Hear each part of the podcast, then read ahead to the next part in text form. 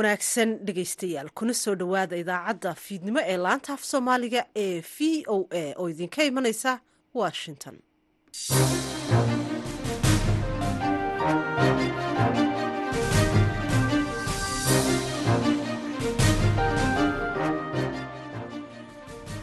Waa fiidnimo salaaso ah.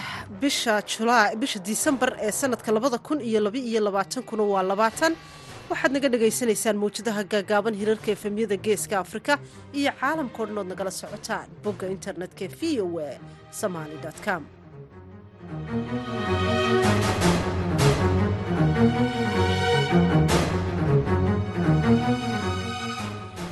Qodobada aad ku maqli doontaan idaacadda caawa iyo dunidana waxaa ka mida shaqaaqo ka dhacday toddobaadkan deegaan u dhow magaalada shilaabo oo ay dad ku dhinteen. Deegaamada cusub oo la samayn karo ma ay jirto golaha kaabineegu marka dadkaas shacabka ah waxaa loo sheegay oo lagu yidhi reer baa la soo raraya meesha la geynaya iyo waxaan waxba ka jirin. Dad baa ka qayb qaatay qaarkood activistayaala qaarkood ujeedooyin kalena ka qayb qaatay. Marka ceelka riigga halkuubu taagnaa inuu ceelku qodabuu ahaa waa loo sheegay dadka ceelkan cid leh inaysan jirin. Biyaha laga jiidayo la gaadhsiinaya qabalahaas qodobadaasi iyo warar kale iyo warbixinno ku saabsan soomaalida iyo caalamka ayaanu sidoo kale idiin haynaa. Waxaa aad arkaysaan la rarayaa dhammaan agabkii loogu talagalay diiwaangelinta muwaadiniinta oo ka soconaysa lixda gobol ee jamhuuriyadda somalilan. Agabkan la raraya waa agabkii goobaha ee loogu talagalay in dadka lagu diiwaangeliyo. Codkaasina waxa weeye diiwaangelinta codbixiyayaasha dadka somalilan oo ka bilaabmaysa siddeed iyo labaatanka bishan ee fooda inoogu soo haysa iyadaoo gobollada iyo degmooyinkaba dadku ay isdiiwaan gelin doonaan. Qodobadaasi iyo kuwo kale ayaannu idiin haynaa marka horese warkii dunida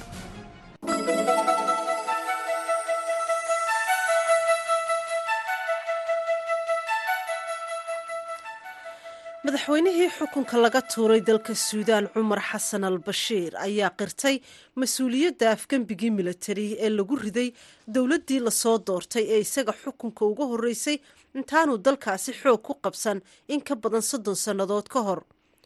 Al-bashiir oo maxkamad la soo taagay ayaa si faahfaahsan uga garnaqsaday dembigaasi isagoo iyo kooxdiisu ay ku kaceen sannadkii kun iyo sagaal boqol iyo sagaal iyo siddeetankii waxaana uu qirtay inuu qorsheynayay hirgelinta kana qayb galay afgembigaasi isagoo xusay in saraakiishii kale ee ciidamada dowladdu ay fikirkaasi afgembiga ku wehelinayeen. Cumar xasan al bashiir ayaa shaaca ka qaaday taageerada ay u hayeen xisbiyadii markaasi jiray oo xilligaasi afgembiga ku jiray. Waxaanu ka mid ahaa xisbiga dimuquraadiga ee uu hogaaminayey moxamed cuthmaan al markani maxamed albashiir cumar xasan al bashiir ayaa sidoo kale tilmaamay in tallaabadaasi afgembiga ee uu qaaday in uu dalka kaga badbaadinayay burbur dhaqaale iyo amni oo xilligaasi ka jiray sida uu isagu ku dooday. Waxaana uu hadalkiisa ku caddaynayay in afgembigaasi ay qaadeen ay ahayd tallaabo saxa ciqaabta afgembiga ka dhanka ah dowlad la soo doortay waa dil sida uu qabo sharciga iyo dastuurka waddankaasi suudaan cumar xasan al bashiir ayaa sannadkii siddeetankii hogaaminayey afgembi ka dhan ah dowladdii uu markaasi ka talinayay ra'iisul wasaarihii hore ee dalkaasi sadiiq al mahdi cumar al bashiir ayaa gacan bir ah ku maamulayay dalkaasi ilaa iyo markii uu afgembigaasi dhacay iyada oo intii ka dambeysayna uu dalkaasi ka talinayay in ka badan soddon sannadood waxaana xukunka laga tuuray bishii abril ee sannadkii laba kun iyo sagaal iyo tobankii dowladda waddanka argentiin ayaa ku dhawaaqday fasax qaran si loo fududeeyo isku socodka dadka iyo gaadiidka iyadaoo dabaaldegyo waaweyn la filayo in dalkaasi ay maanta ka dhacaan maadaama ay dib ugu laabteen ciyaaryahanadii xulka dalka argentiin ee ku guulaystay koobka adduunka ee ka socday dalka qatar xubnaha xulka qaranka ayaa lagu wadaa in ay socdaal ku tagaan caasimadda dalkaasi halkaasi oo la filayo in malaayiin qof ay isugu soo baxaan waddooyinka si ay u salaamaan uguna hambaliyeeyaan ciyaartooyga safarka xulka qaranka ee argentiin ayaa bilaabmay kadib markii ay dabaaldegyo koobani ugu soo dhammaadeen magaalada dooxe ee dalka qatar oo ay ku guulaysteen koobka kubadda cagta ee adduunka kabtanka xulka qaranka argentiin leonel messi ayaa noqonaya ciyaaryahankii ugu horreeyey ee ka soo baxa diyaaradda isaga oo kor u hayay koobka dahabka. Dadweynaha ayaa aada u tiro badan isla markaasina ay ka muuqataa farxad iyo damaashaad ay ku qabaan amaba ay u muujinayaan ciyaartooygaasi maxkamad ku taalla dalka liibiya ayaa toddoba iyo toban xubnood oo ka tirsan ururka isis ku xukuntay dil kadib markii lagu helay dembiye ay galeen intii ay gacanta ku hayeen dekadda sabratha ee ku taala galbeedka dalkaasi liibiya. Xafiiska dacwad oogaha dalka liibiya ayaa sheegay in dadka la xukumay ay ku lug lahaayeen dilka in ka badan konton qof iyo weliba afduubka in ka badan tiradaasi oo ay qaateen amaba ay qafaasheen ururka mayalka adag ayaa sannadkii labadii kun iyo afar iyo tobankii la wareegay deegaano ku dhow dhow magaaladaasi sabartha waxaana la sheegay inaanay la wareegin magaalada sirta oo noqotay xarunta ugu weyn ee dadkaasi liibiya ay ku gacan sarreeyeen. Ciidamada daacadda u xukuumadda tripoli ayaa u suurto gashay in ay canaasiirta ururkaasi ka saaraan kana sifeeyaan xeebaha iyo magaalooyinka dalkaasi intaasina waxaa dhegaystayaal ku eg warkii dunida. Haatana qaybaha kale idaacadda u diyaar garooba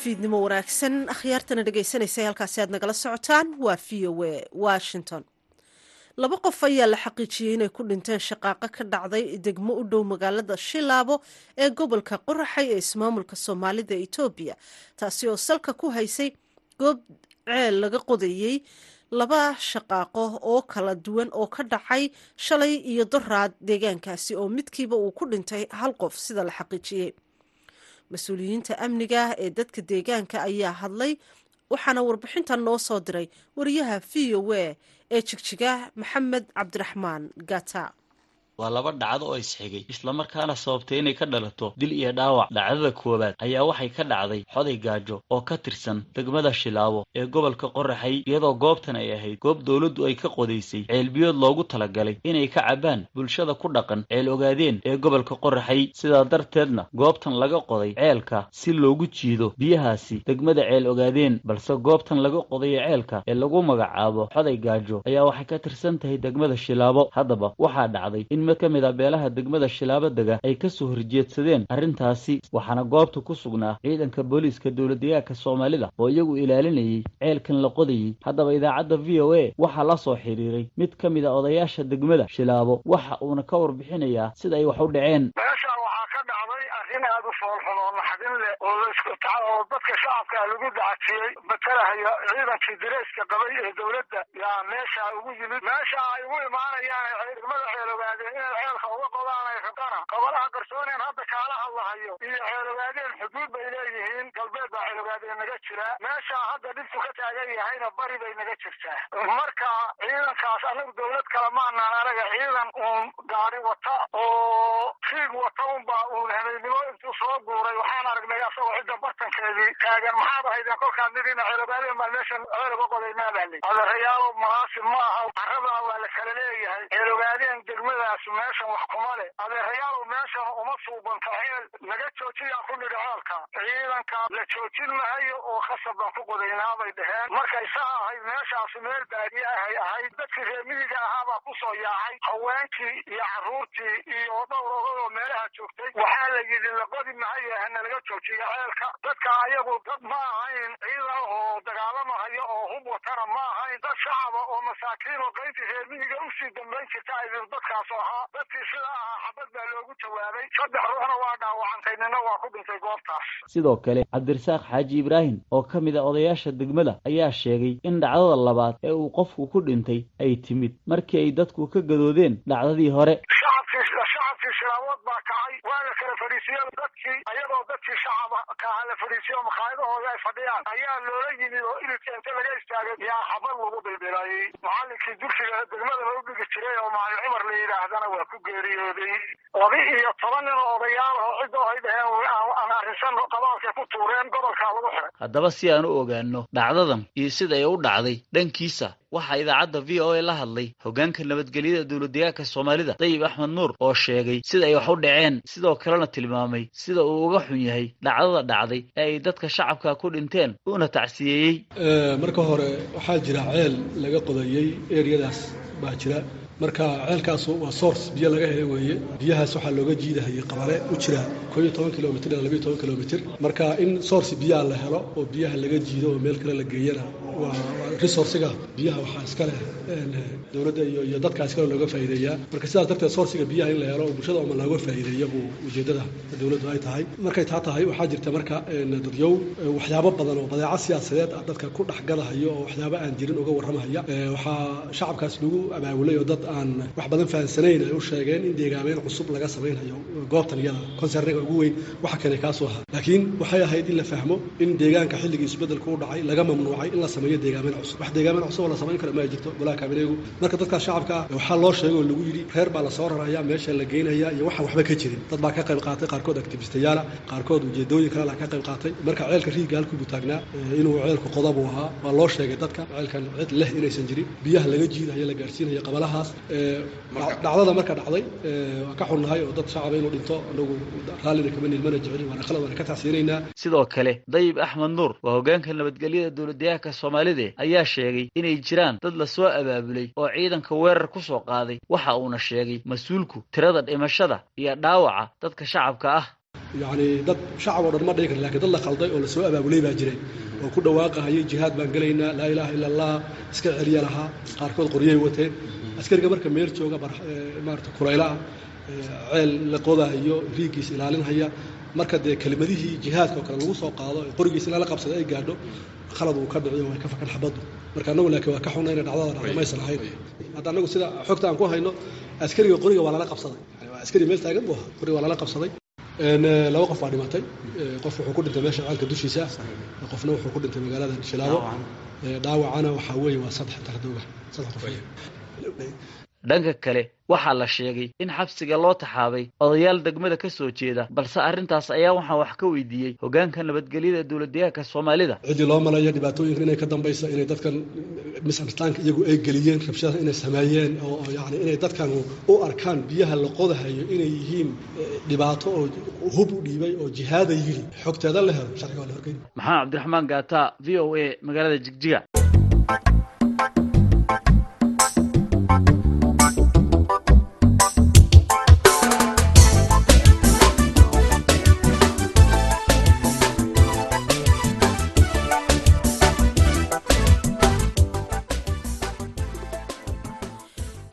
wanaagsan halkaasaad nagala socotaan waa v o a washington. Markii ugu horreysay taariikhda maraykanka kongareeska ayaa tix raacaya dembiyo la sheegay in uu sameeyey madaxweynihii hore ee dalkan maraykanka donald trump.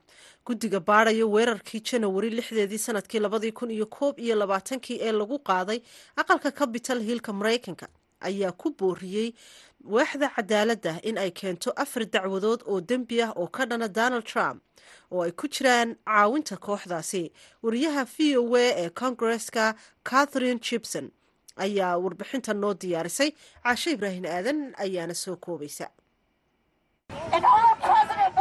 Baaritaanka uu socday muddo sannad iyo bar ah oo lagu sameeyey weerarkii janawari lix sannadkii laba kun koob iyo labaatan lagu qaaday aqalka koongareeska maraykanka ee capital hill ayaa la soo gabagabeeyey isniintii kadib toban dhegaysi oo dadweyne iyo in ka badan kun markhaati ah.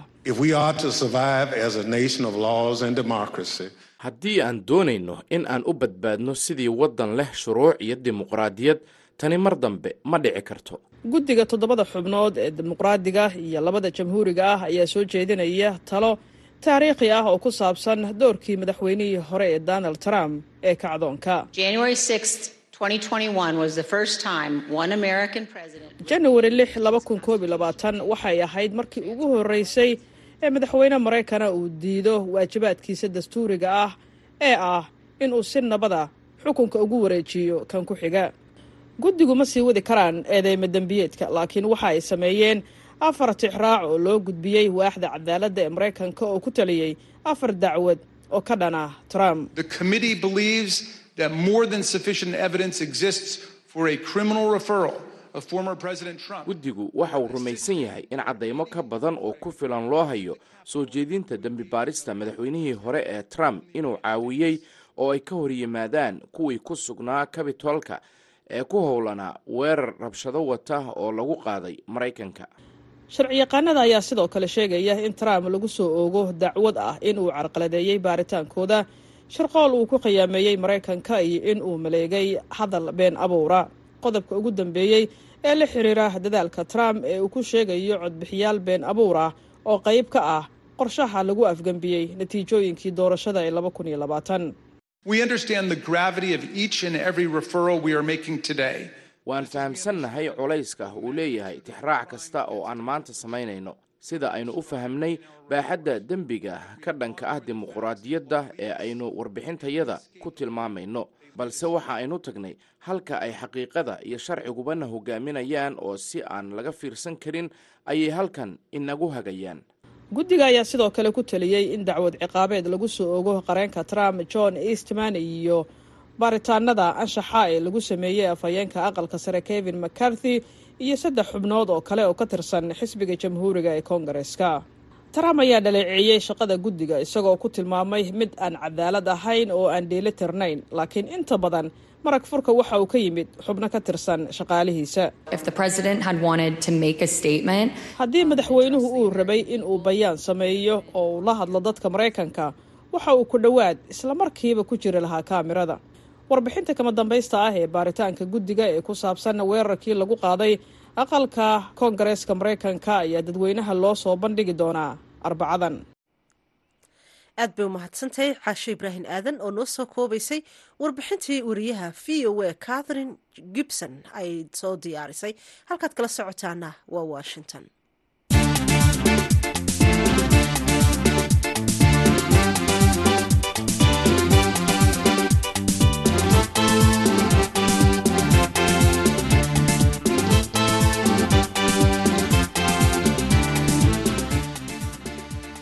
waa hagaag dhegeystayaal haatana somalilan. Howlaha diiwaangelinta codbixiyayaasha ayaa haatan ka bilowday gobollada iyo degmooyinka somalilan kadib markii guddiga doorashooyinku ay u kala direen agabkii diiwaangelinta. Waxaana warbixintan hargeysa ka diray wariyaha v o a khadar maxamed cakule. Tan iyo intii ay guddiga doorashooyinka ee somalilan ku dhawaaqeen. In siddeed iyo labaatanka bishan aynu ku jirno diiwaangelintu ka bilaabmi doonto gobollada kala duwan ee somalilan islamarkaana la asdeeyey boqol iyo lix iyo toddobaatan goobood oo guud ahaanba loogu talagalay in diiwaangelintu ay ka furanto siddeed iyo labaatanka bishan disembar. Waxaa si weyn looga dareemayaa magaalooyinka waaweyn ee somalilan goobaha la ysugu yimaado fariinta la xidhiidha dhiirigelinta diiwaangelinta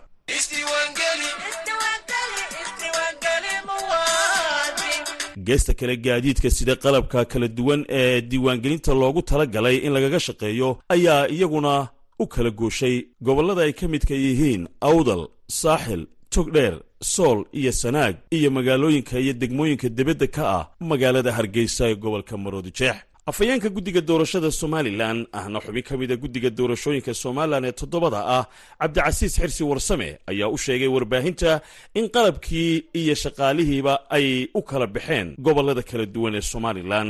Xubnaha guddiga doorashooyinka somalilan ayaa warbaahinta u sheegay in agabkaasi loogu talagalay in uu u diyaarsanaado sidii loogu talagalayna hawsha loogu bilaabo marka ay gaadho wakhtiga diiwaangelinta waxaa si aad arkaysaan la rarayaa dhammaan agabkii loogu talagalay diiwaangelinta muwaadiniinta oo ka soconaysa lixda gobol ee jamhuuriyadda somalilan.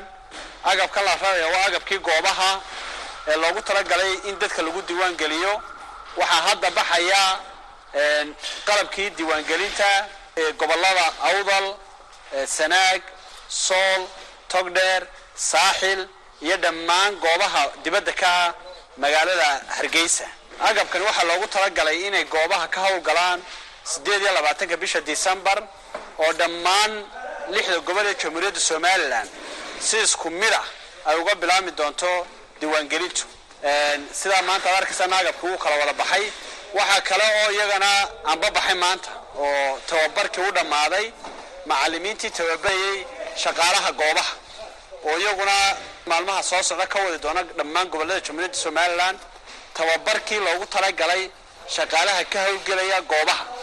Sidaa ayaa diyaargarowgii komishinku si wanaagsan u socdaa sida ay qorayaan xeerarka la xidhiidha doorashooyinka somalilan waxaa doorasho kasta ka horraysa in la sameeyo diiwaangelinta codbixiyayaasha. Haddaba maxay muhiim u tahay in la sameeyo diiwaangelintu marka la eego doorashooyinka soo socda. Waa kan cabdilaahi cabdi xaaji xumar oo ah falanqeeye siyaasi islamarkaana hore uga tirsanaa guddidii ugu horreysay ee diiwaangelinta somalilan ay la soconno doorashadan la qabanayo dalalka dimuqraadiga aynuna aynu ka mid nahay doorasho marka la doonayo diiwaangelin la'aan lama qabto. Diiwaangelintu waxa weeye albaabka laga soo gelayo doorasho marka la qabanayo. Aad bay muhiim u tahay marka waxa weeyaan waxay ku salaysantahay goob deegaan. Deegaan kastaba markaa dadka inta ka diiwaan waa la ogaanayaa ogaanshahaasi waxaa la keenaya inay hadhow ka saarto shaki meesha inuu yimaado oo meeshaa la ogaya intaan doorashaliga inta qof ee isdiiwaangelisay ee diyaar u ah inay hadhow foodka bixiyaan. Saldhigga koowaad waa taa waxay iyana marag u tahay transparentyga amba hufnaanta doorashada inaan la qaldi karin doorasho diiwaan gashan oo dee kaarkii baa lagu gelaya qof waliba kaarkiisa uu guddigii fadhiyey u dhiibaya. Marka la ogaado ayaa tig la siinaya la saxaya magaciisa goobtii u gelaya uu ku ridaya marka aad bay muhiim ugu tahay in markaa diiwaangelinta dadku qaato. Waxay ku xidhantahay markaa qodobka raacay ku lamaani waxa weeye wacyigelin dadka la siiyo oo laga dhaadhiciyo komishinka doorashada iyo cidda kale ku shaqaliba iyo xukuumadaba wasaaradda warfaafinta gaar ahaan in laga dhaadhiciyo dadka ahmiyadda doorashadu leedahay. Dhinaca kale marka la eego diiwaangelintan oo ku soo beegantay wakhti ay jiraan duruufo dhinaca nolosha oo adag haddana waxaa muuqata in dhammaan ururada iyo asxaabta siyaasadda ee somalilan ay isku raacsan yihiin islamarkaana si isku mida u soo dhoweeyeen diiwaangelinta codbixiyaasha somalilan khadar maxamed cakulle v o a. Hargeysa.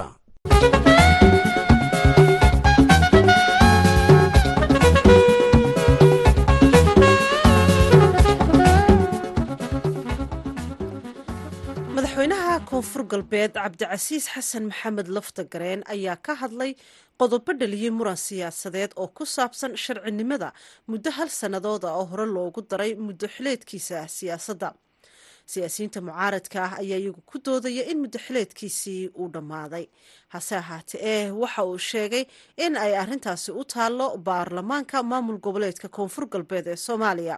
Hadalkan waxa uu ka jeediyey munaasabad lagu xusayey sanad guuradiisii afraad markii xilkaasi loo doortay waxaana warbixintan ka soo diray wariyaha v o a mukhtaar maxamed catoosh madaxweyne laftagareen ayaa khudbadiisa ku sheegay in dowladdiisu ay horumarisay arrimaha amniga dhaqaalaha iyo adeegyada bulshada sida waxbarashada iyo caafimaadka. Kobaca dhaqaale ee koreyna sanadkan hadda aan joognona waa boqolkii afartan iyo labo yuu ahaa kobaca. Waxaan rajeynaynaa hadduu ilaaha yidhaaho markii loo fiiriyo isteedyada waxaan nahay isteedka labaad ee kobaca dhaqaalaha iyo iyo budgetka miisaaniyadda ee isteedyada ugu badan.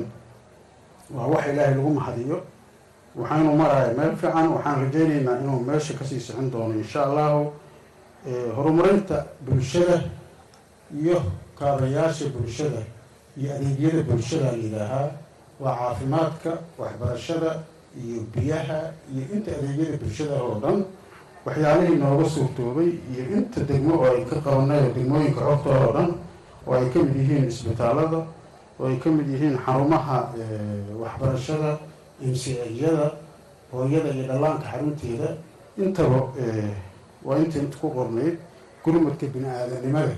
Wixii ugu badnaa oo sanadka hadda ugu dambeeyay aan xoogga saarnay bay ahayd ayadoo xaalad adag oo abaar dalka uu galay waxaa ilaahay nagu guuleeyey hal milyan iyo afar boqol oo kun oo qof in la gaarsiiyo deeq iyo wixii ay u baahnaayeen ay helaan. Sidaasoo kale arrimaha caafimaadka waxaan dhammaystirnay ma dhammaanayso laakiin waxaan dhammaystirnay isbitaaladii.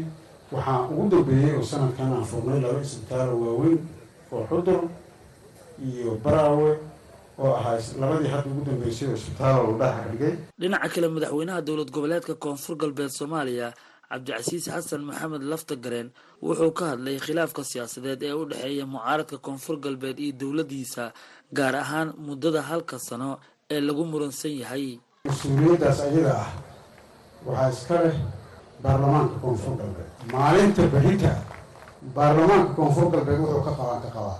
Hay'addii sharci dejinta waaye shalay ayadaa go'aankan gaartay brocessay u soo martay mooshin baa la keenay sharciyadaa taallo nidaamaa noo jiro dowlad baa jirto xeer iyo nidaam annaga aan samaysanay baa yaalla nin iyo qof xanaaqsan ama siyaasad u xanaaqsan ama dareen kale qabo sharciyadaannada iyo nidaamka iyo dowladnimada midna waxba kama bedelaa marka waqti dheer inaan geliyay ma rabi shalay brocesskiina maray. Yay u baahan tahay maantana in la maro. Haddii la rabo in la iska daayo. Waxaan ka qabana male shalayna aniga ma codsanin xildhibaanadaa keenay maantana hadday keenaan raalli aan ka ahay sanad guurada afraad ee madaxweynaha koonfur galbeed ayaa ku soo beegmaysaa xilli muran xoogan uu ka taagan yahay muddo hal sano oo madaxweynaha loogu daray taasi oo markii baarlamaanka koonfur galbeed ay ku darayeen saddex sano ka hor ay ku sheegeen in la iswaafajinayo muddo xileedka madaxweynaha iyo golaha sharci dejinta. Mukhtaar maxamed catoosh v o a baydhabo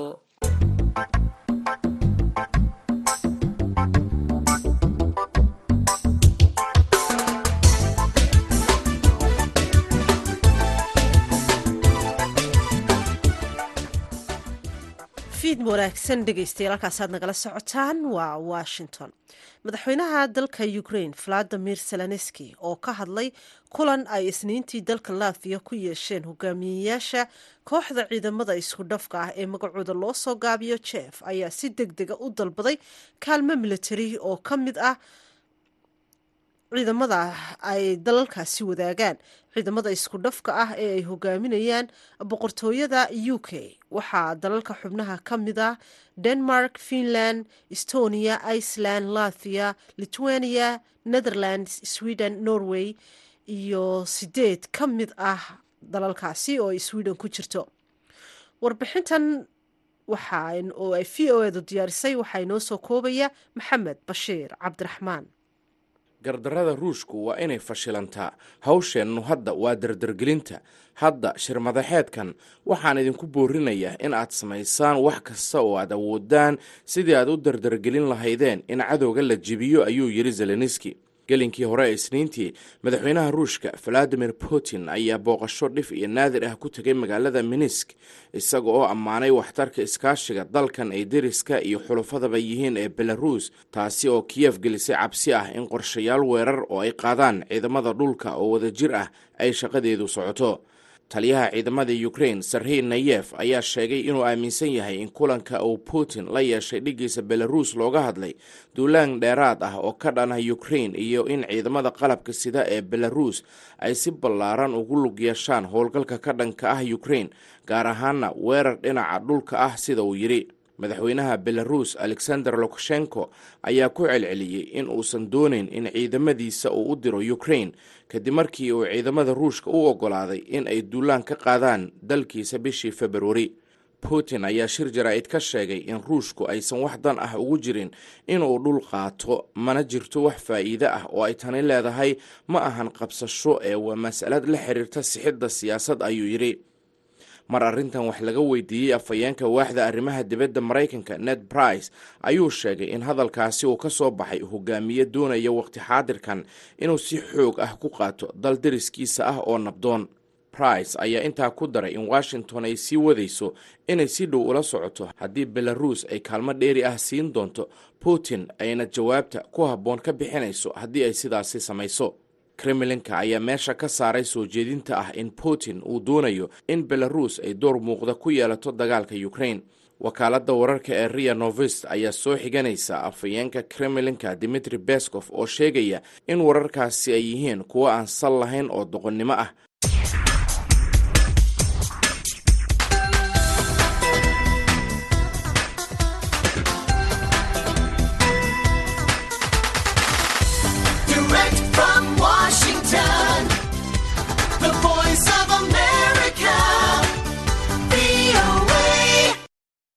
fiid wanaagsan dhegaystayaal ku soo dhowaada barnaamijka toddobaadlaha ee caweyska dhadhaab oo idinka imaanaya laanta afka soomaaliga ee v o a. Caweyska waa barnaamij cusub oo si toosa idinkaga soo gudbinayno xeryaha qaxootiga dhadhaab ee gobolka waqooyi bari ee dalka kenya. Barnaamijka waxaad ku dhegaysan doontaan toddobaad walba laba mawduuc oo ah kuwa ay ugu hadalhaynta badan yihiin bulshooyinka ku nool xeryaha qaxootiga. Waxaadna naga dhegaysan kartaan idaacadda fm-ka v o e da ee dhadhaab ee ka soo gasha muwjada fm-ka ee hal ebir toddoba dhibic lix megahartis barnaamijkeena caawa waxaad ku dhagaysan doontaan hay'adda qaxootiga adduunka u n g r oo ku dhowaad afar boqol oo qoys oo ka mid a qaxootiga cusub u qaybisay bacaha guryaha la saarto. Sidoo kale barnaamijka waxaa qayb ka ah qaxootiga ku nool xeryaha oo ka waramaya dhibaatooyinka ay ku qabaan safarada ay u aadaan dalka qaybihiisa kale waxaan ka marnayn xubintii shakhsiga toddobaadka oo isbuucan aan ku eegi doono doorka garnaqsiga soomaalida iyo habka odayaasha dhaqanka ay u xaliyaan khilaafaadka bulshada dhexmara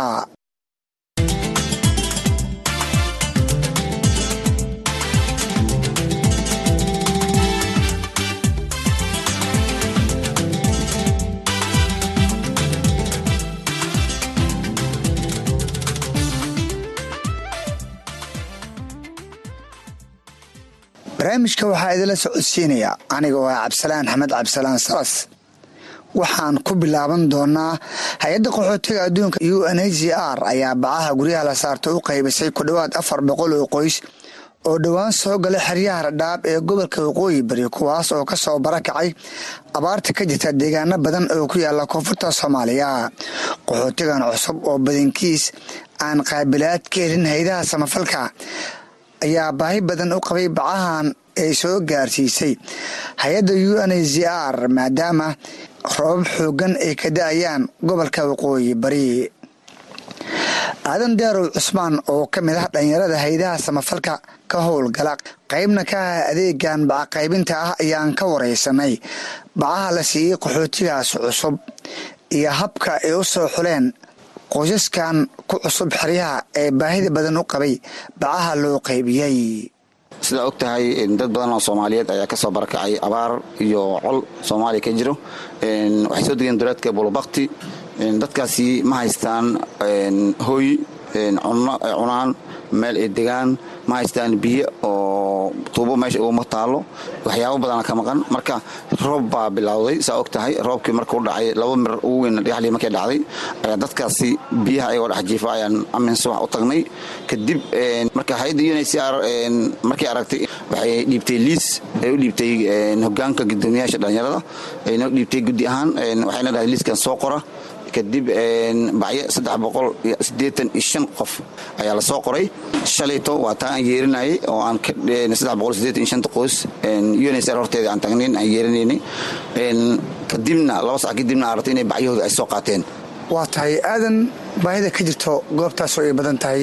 Liistigan aad ku soo qorteen dadkan aad u qaybiseen bacahan qaabkeebaad u soo kala xulateen saa ogtahay cabdisalaan markaad tagta duleedka bulubakti waxaad arkaysaa dad isku mid ah. Qaarkooda laakiin bacyaan siinay oo way kala horreeyeen. Bacyaan kuwii dhallinyarada oo isqabanqaabiya ka horreeyey. Marka liis baan wadanay kuwii aan siinay waan garanaynay. Kuwan kalena oo weli waxba helin aan soo qornay iyaga naftooda. Dadkii waxay ku jiraan calgaroob oo geedo garoob udbaha garanaya malayna soomaaliya algaroob ahaan inay soo gurteen ay bacyo saarteen marka dhib badanaa meesha ka jira. Roobkii iyo gurila'aantii iyo rafaadkii ayay fadhiyaan. Marka waxaan fiirinay qofka suu u weyn yahay kaarka intuu yahay kaarar weyn qaar kaarar weyn fiican ahayn qaar kaarar yar ahayn laakiin ha ahaato laakiin naftooda way iska baahnaayeen baahida boqolkiiba siddeetan waa isku mid. Marka intaan gaarsiin karno waxaan gaarsiin karno ayaan soo xurannay kadibna halkan ayaan ku qaybin.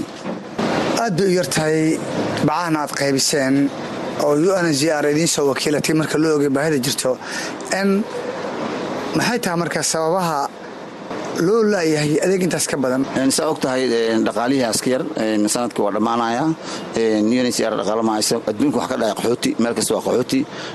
Dadkan hadday soo barakaceen marka haddaa aan fiiriso dhaqaalaha bixin jirtay uncr gaabisaa ku dhacay way gaabisay. Ruush iyo dagaalkii markuu dhacay waa og qaxooti badan afganistan qaxooti badana jiraan. Marka qaxootigaas markuu saa u farbatay dhadhaab waxaan u malaysaa si indhaha in laga xirtay marka saa og tahay gudi wafdi ayaa imaada meeshan oo ninkii unsr weynaa oo la socday way qiimeeyeen isku markaasi dhaqaale ay sheegeen mise ay bixiyaan may haynin. Waxay dheheen waan dhaqaala tagayna naftooda. Marka dhaqaalaha had kadambe la raadiyi mooye waxa hadda ay hayso unsr oo saa u weyn ma lahan. Saddex boqol iyo siddeetan iyo shan qoys waa intaasaan aan siinay marka laakiin way kala weynaayeen kaarkas u kala weynaa lixla ka bilaabato labalaba bacaa la siinaya waayo waxaa laga yaabaa lixlihii in qof qaangaar uu ku jiro oo gurigii duqda dhex seexan karin dhalinyaro ay yihiin qol in loo dhiso oo bacad oo loo saara ay helaan. Marka ka bilaabato kowle ilaa shanle oo kale inay isla seexan karaan oo marka hal bac oo kale la siin karo oo reebka ay ka galaan. Laakiin waxaan waan wax roobka in laga esheero ay tahay laakiin guri permanent iyo waxba maan u dhisin waxba kale loo macawan karo kaasin wuxuu ahaa aadan deerow cusmaan oo ka mid ah dhallinyarada ka shaqayso hayadaha samafalka oo igu warramay gudaha xeryaha dhadhaab ee gobolka waqooyi bari dhinaca kale qaar ka mid a qaxootiga cusub ee nasiibka u yeeshay bacahaasi ka yimid xafiiska u n z r ayaa ka mahad celiyey bacaha loo qeybiyey maadaama la soo gaarsiiyey xilli baahi badan ay u qabeen qoysaskan oo ku xoolo beelay. Abaarta ka dhacday koonfurta soomaaliya ayaa waxay yihiin kuwa ku nool guryo ka samaysan baco iyo cooshado kuwaas oo aan xamili karin rababka xooggan iyo kuleelada ka dhacaya guud ahaan gobolka waqooyi bari.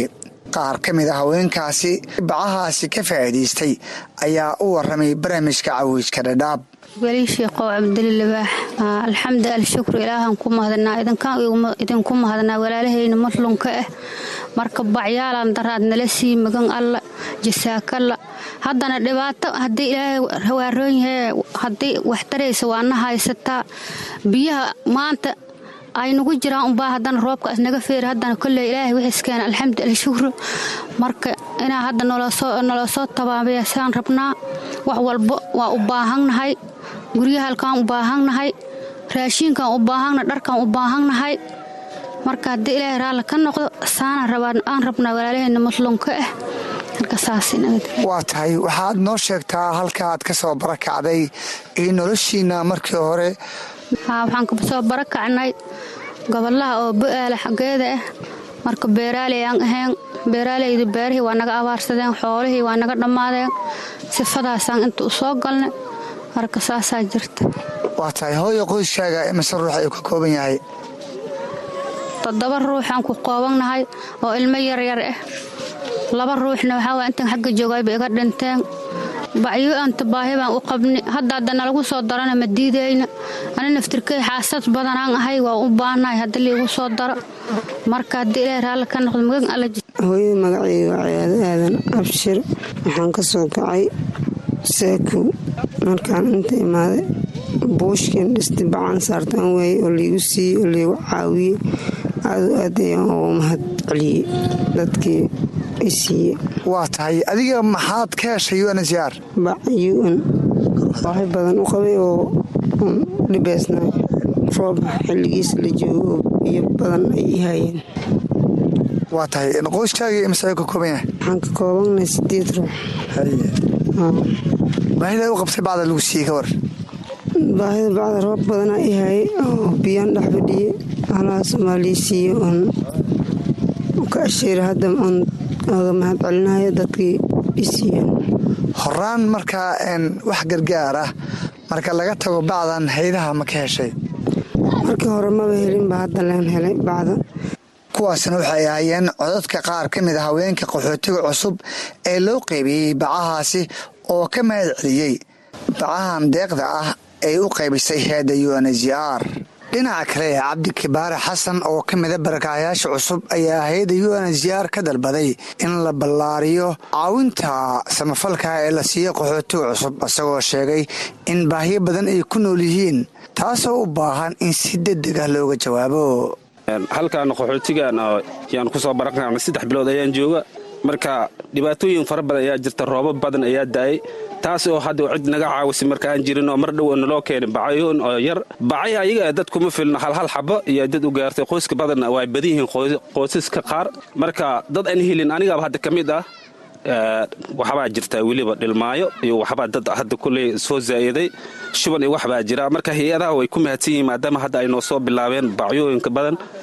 Laakiin weliba baahayo ayaa sii jira. Bacooyinkaas ayagaa way yar yihiin. Waxaa kaga sii daran cuntina lama haayo hooye lama haayo bacya lama haayo bii lama haayo musqulo lama haayo. Marka bannaanka ayay ku saxaroonaya ayagoo weliba hadda shuban biyood aad u soo daran uu soo bilowday. Marka baahooyinka badan waxaan hay'adaha ka codsanaynaa in ay arrintaa naga soo gaaraan oo loo caawiyo. Insha allah hadduu ilaahay diidin arrimankaas baa hata aad u jira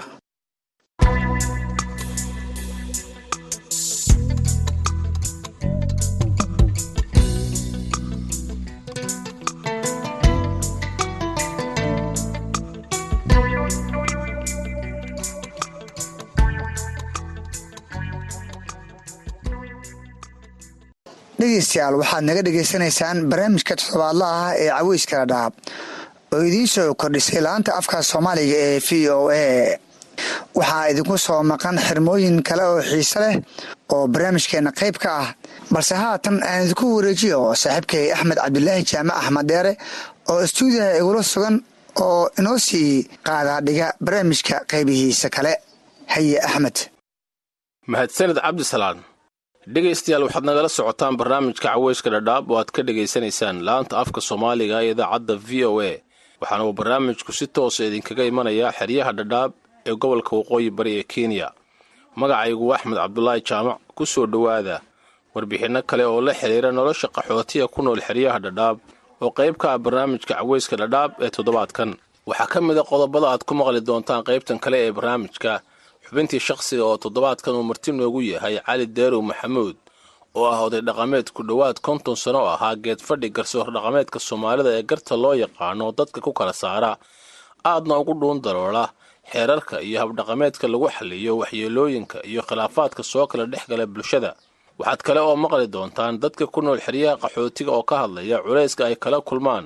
Dhaqdhaaq la'aanta aan dadka qaxootiga ah loo oggolayn inay ka baxaan xeryaha qaxootiga aan ku bilaabay dhegaystayaal cali deerow maxamuud waa mid ka mid a odayaasha soomaaliyeed ee geed fadhiga u ah inay dadka ku kala saaraan garsoor dhaqameedka garta. Shaqadaa oo uu ku soo jiray muddo konton sano ah ayuu weli ku howlan yahay isagoo aaminsan in gartu ay lagama maarmaan ka tahay soomaalida dhexdeeda. Cali ayaa waraysiga ku bilaabaya qaybaha ay garta u kala baxdo iyo sida ay guurtada soomaalidu u wajahaan xallinta dhacdooyinka. Laba siyaabood buu u kala baxaa. Gartu inay tahay gar cadaawo oo mid wax lagu kala goosanayo lagu kala fogaanayo inay tahay iyo gar dadka isu soo dhoweynaysa oo xeersan wax la yidhaahdo xeerka wax la yidhahdo waxaa dhasha garta.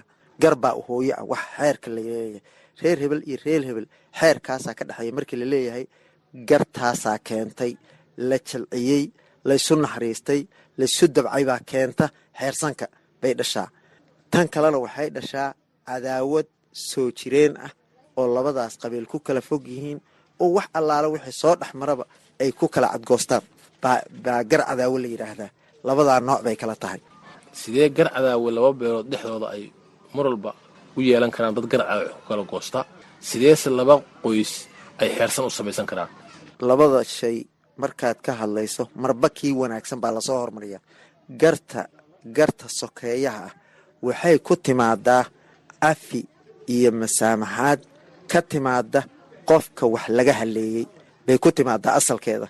Xeersan baana la yidhaahdaa saasay ku timaadaa asalkeedana qofka dhibaatada la gaarsiiyey bay xaggiisa ka timaadaa hadhow marka la allaa qofkaas haddii qofkii markaa wax geystay mar kale ay wax dhex maraan xeerkii asaga ahaabaa lagu guuraa. Waxaa lagu maahmaahaa ama xeer gooyo ahaw ama xeer ku guur ahaw ma laga yaabaa xeerkaa labada qof bilaabeen oo isku cafiyeen oo isku wanaajisteen inuu saameeyo bulsho badan ama laba beelood oo aad u badan in dhexdooda uu wanaag ka beero oo kaasi uu noqdo xeer lagu dhaqmo oo la dhaho dadkaa waxaan leenahay xeersan. Geedka marka laysugu imaado oo gartaa la falayo waaba laysugu abaal sheegtaa oo hebel waagii gartii saas iyo saas iyo saas ahayd. Geedkii aan ku qaadnay soo saas iyo saas walaalayaalow kumaana kala qaadanin baa timaada waxayna u gudubtaa markay shaksi ka bilaabato waxay u gudubtaa qoys way ka sii gudubtaa qabiilay u gudubtaa. Way ka sii gudubtaa. Waxaa laga yaabaa in ay saamayso soomaaliya oo dhan. Baa laga yaabaa gartaas xeersanka ah. Gar cadaawa haddii lagu dhaho axmedow waa garta waxaa bilaaba cadaawadda lambar kow waxay ka bilaabataa inkiraad wax la yidhaahdo. Asalkeeda meeshuu ka bilowda halkaas waaye. Marka waxay noqonaysaa in macnihii waxaa waaye lagu kala cadgoosto oo aan waxba laysugu hambayn gar cadaawaa la yidhaahdaa badanaana dadka ay dhex marto waa dad wax isku inkiray oo aan waxba isu ogolayn hadday wax isu ogol yihiin gar cadaawo ma timaado xeerkan u yaalla beelaha oo ay ku kala baxaan oo ay sidoo kale dhahaan xilligaasaan xeerkaasaa noo dhexeeyey ha noqdo mid xun ama ha noqdo mid fiican sideebuu ku dhaqan galay oo waxaan qornayn oo saxiix lahayn oo qoraal meel yaalla iyo marjac loo noqdo lahayn? Sidee beelaha dhexdooda uga noqon karaa mid lama taabtaan oo lagu dhaqmo?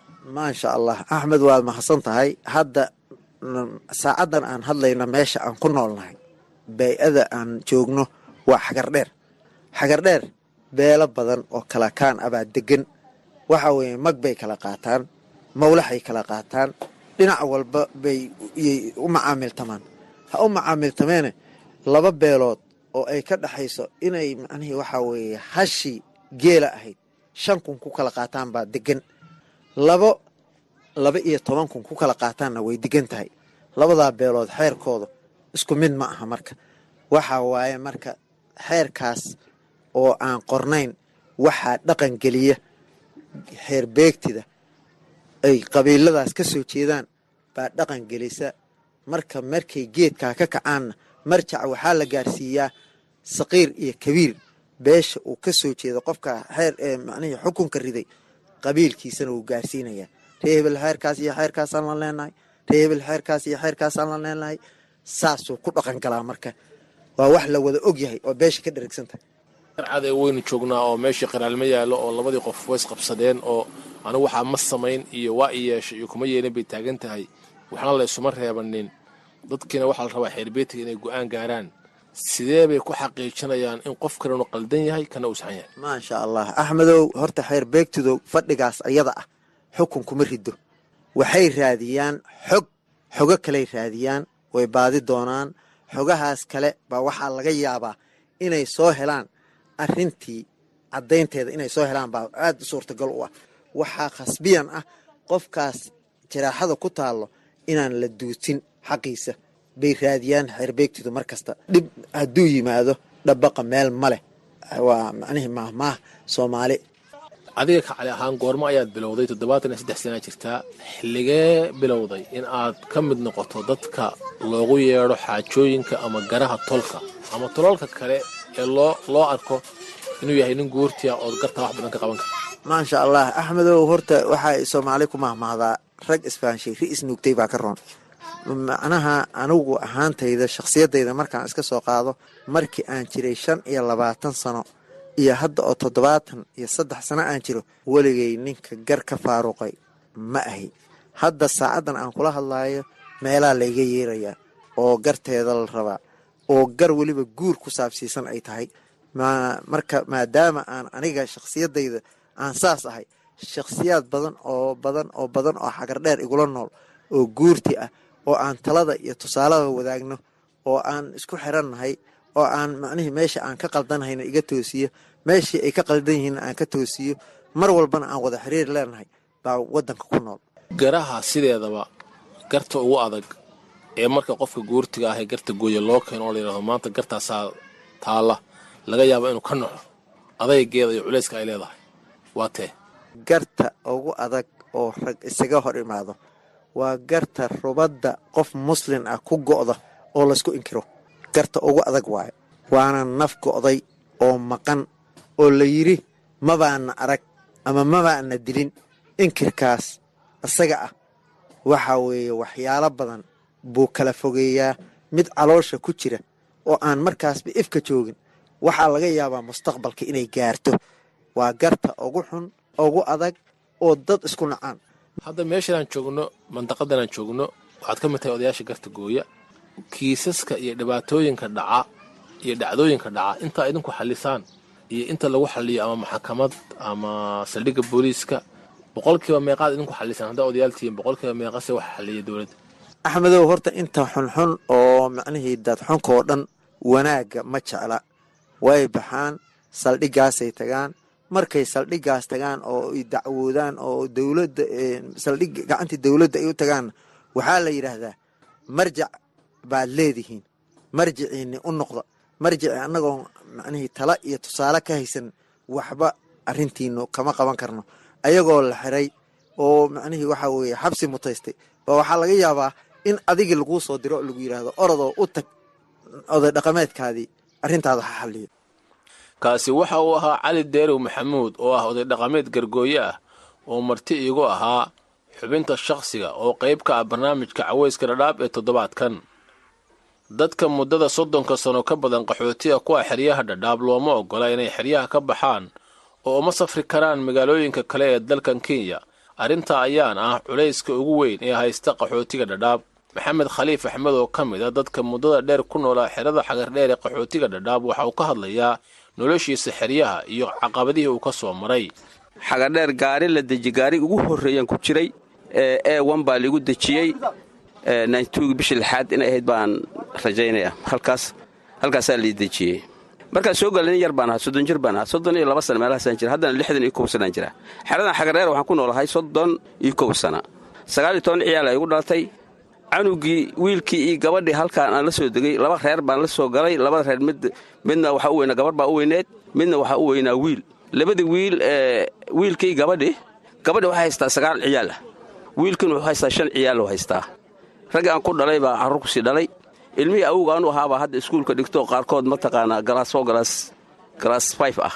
Soddon iyo kowkaas aan ku noolaa. Dhibaatooyin badan baa xeryaha ka soo marnay mar shubta ina rafaadin jirtaa jirtay. Mar qaxootiga yacni sida arigoo kale in loo oodo. Dhammaajana lagu ooday. Casarkii ma garanaysaa qoraxda dhicinba albaabada loo xiri jiraa soo jiray. Wax badan baan ka soo marnay dhibaatooyin baan ka soo marnay. Alxamdulilah hadda waxaa weeye waa waa nabadgelyo waan haysanaayoo wixii waa laga soo gudbay. Maxamed khaliif ayaa barnaamijka caweyska dhadhaab u sheegay in culayska ugu weyne uu hadda dareemayo uu yahay socdaal la'aanta iyo inaanu ku dhex safri karin dalkii uu ku qaatay inta badan noloshiisa. Soddonkaas sano waxaan u malaynayaa hal mar baan taraabultu ku mida aatay aan aaday nairobi. Soddonkaasna hal mar bisaan baxa xeelad ka baxay aniga. Hadda oday baan ahay museey ah oo maxaan ku idhahdaa hadda ma garanaysaa soo tabardhigay mana bixi kara. Haddii hadda aan bax kontaroolka ugu horrey eegaydaa markaan qabto waa leela degayaa. Taraabultugu mindigu naftiis waa adag yahay oo mataqaanaa ma fududo. Haddii aad raasatid waa adag yahay marka dhibaatada ugu weynoo hadda aan cabanaya nabadgeli dara kama cabanayo oo dowla nabadgelyo waa haysanaa carruur waa ku dhalnay kenya abaal baa naga haynaa waa dalkeenni labaad muddo badan baan ku noolayn aad iyo aad baan ugu mahad celinaynaa dowladda kenya. Balse wax dhibaatadan haysta waxaa waaye dhaqdhaaqa la'aan ma socon karno socod ma leh. Alyan baan haysanaa sharcigii mataqaana waxaa noola sheegay kabaandhaha iyo alyanka in labada dowladda kenya ay bixiyaan wasaaradda arrimaha gudaha inay bixiso qaybta kabaandhaha bixisa inay alyankana bixiso. Waxaa naloo sheegay macnaha alyanka qofkii la siiyo. Waa sharciga waddanka. Hase yeeshee doorashana inaadan soo istaagi karin oo mataqana aan lagu dooran karin. Aadnan wax dooran karin oo mataqaana aadan mataqana kuura ridaynin. Laakiin inta kale oo kabaandhaha qabtuu qabanaya inaad ku ganacsan karto inaad leysan ku goosan karto inaad waddanka meeshaad doonto mari karto inaad meeshaad doonto ka soo shaqaysan karto.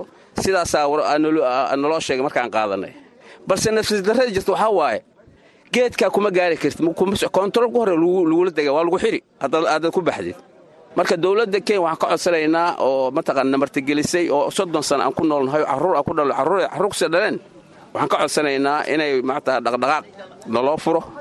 Khadar xasan waa nin dhallinyaro ah oo ganacsi ku leh xerada xagar dheer. Waxa uu sheegay in socdaal la'aantu ay saamayn ku leedahay ganacsigiisa maadaama aanu tegi karin kana soo adeegan karin magaalada nairobi oo ay uga yimaadaan telefoonnada gacanta iyo agabka korontada oo uu iibiyo. Niyuu caqabad weyn waaye. Bay ku leedahay ganacsigeenna dhankan safarada markii la dhaho oo la aadayo magaalooyinka kaleeto oo waddanka ah si loo soo adeegto. Dhibaatada nagaas waxaa tahay waddada ma mari karta adoo sharci wadanin. Sharcigana oo alinka ah haysanana ma shaqaynayo waa in travel travelkina waa wax xadidan ama maalmo ama waa wax feel loo gelayo ama waa wax lacag lagaga qaadanayaba aan lagu siinin firi. Saa darteed dhibaatadas weyn baana haysata xaggaa naga haysata aniga waxaan ku jira ganacsigan muddo toban sana ah. Tobankaas sanana way ugu adagta inaan baxo. Qof xagga joogo inaan dirsado ma ogeeye inta badan ma baxo. Maxaa u bixi waayena? Waa sharci daradaas sharci la'aanta darteed. Dadka ku nool xeryaha qaxootiga oo u badan dhallinyaro ku dhashay xeryaha ayaa in ka badan soddon sano ka dhur sugaya dowladda kenya inay siiso. Xaquuq ka badan ta ay hadda haystaan oo uu socdaalku ka mid yahay. Dhegaystayaal intaa waxaynoo ku eg barnaamijkii caweyska dhadhaab ee toddobaadkan. Inta aanan ka bixin aan mar kale dib idinku celiyo. Cabdisalaan axmed cabdisalaan salas oo barnaamijka ila daadihinaya. Mahadsanid axmed dheere haatan nala dhegaysta heesta toddobaadka.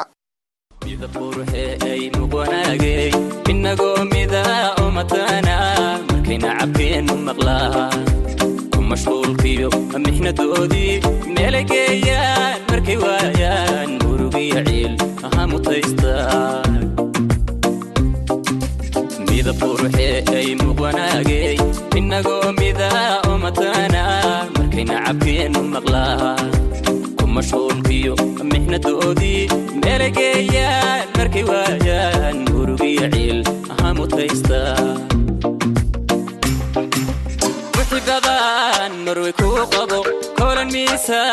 marisidhisa muxibadan marway kuu qabo kolan miisaan marisidhisar kamuguyna alla masalkii kale.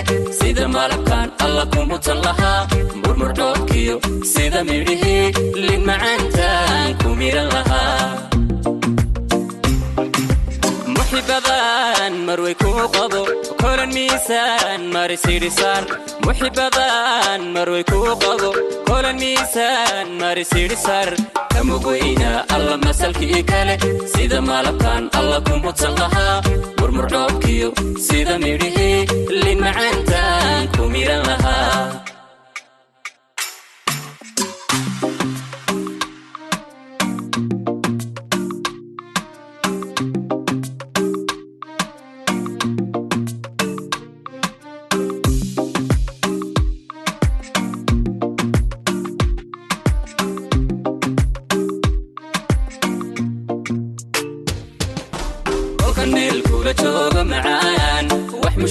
mushaakila ma dareemo kolkan meel kula jooga macaan.